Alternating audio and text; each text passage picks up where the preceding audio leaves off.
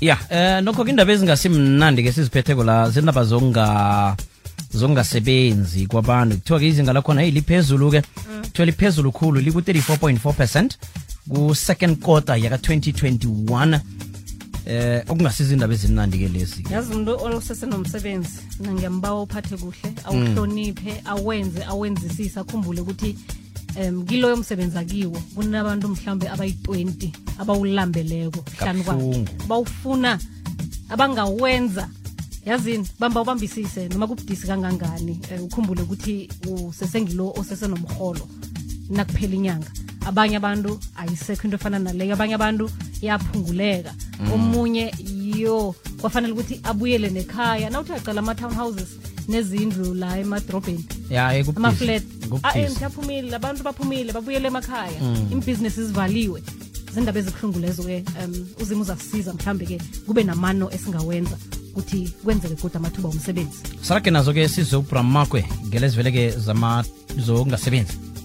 Bramakwe lotshani sibo. sibonile ukuthi ngu-april may june la ekhaya e-south africa imisebenzi iphelele kakhulu and then kuyakubonisa ukuthi abantu banganemsebenzi inomoro yakhona yephezulu esikhuluma njengwamanje kuna-34.4 percent i-unemployment rate yethu is the highest and not just on record since 2008 but if ubheka i-south africa namanye ama-country ayi-82 la abloomberg ayachekayo thina e-south africa i-unemployment rate yethu yiyo the highest.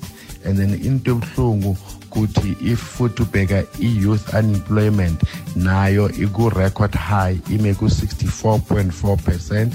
And then futhi if ubheka lento le bayibiza i-extended definition ye-unemployment kutsho ukuthi ifaka nabantu la ba-discourage ukuthi bathole imisebenzi ikhuphukile nayo ime ku-44.4 percent.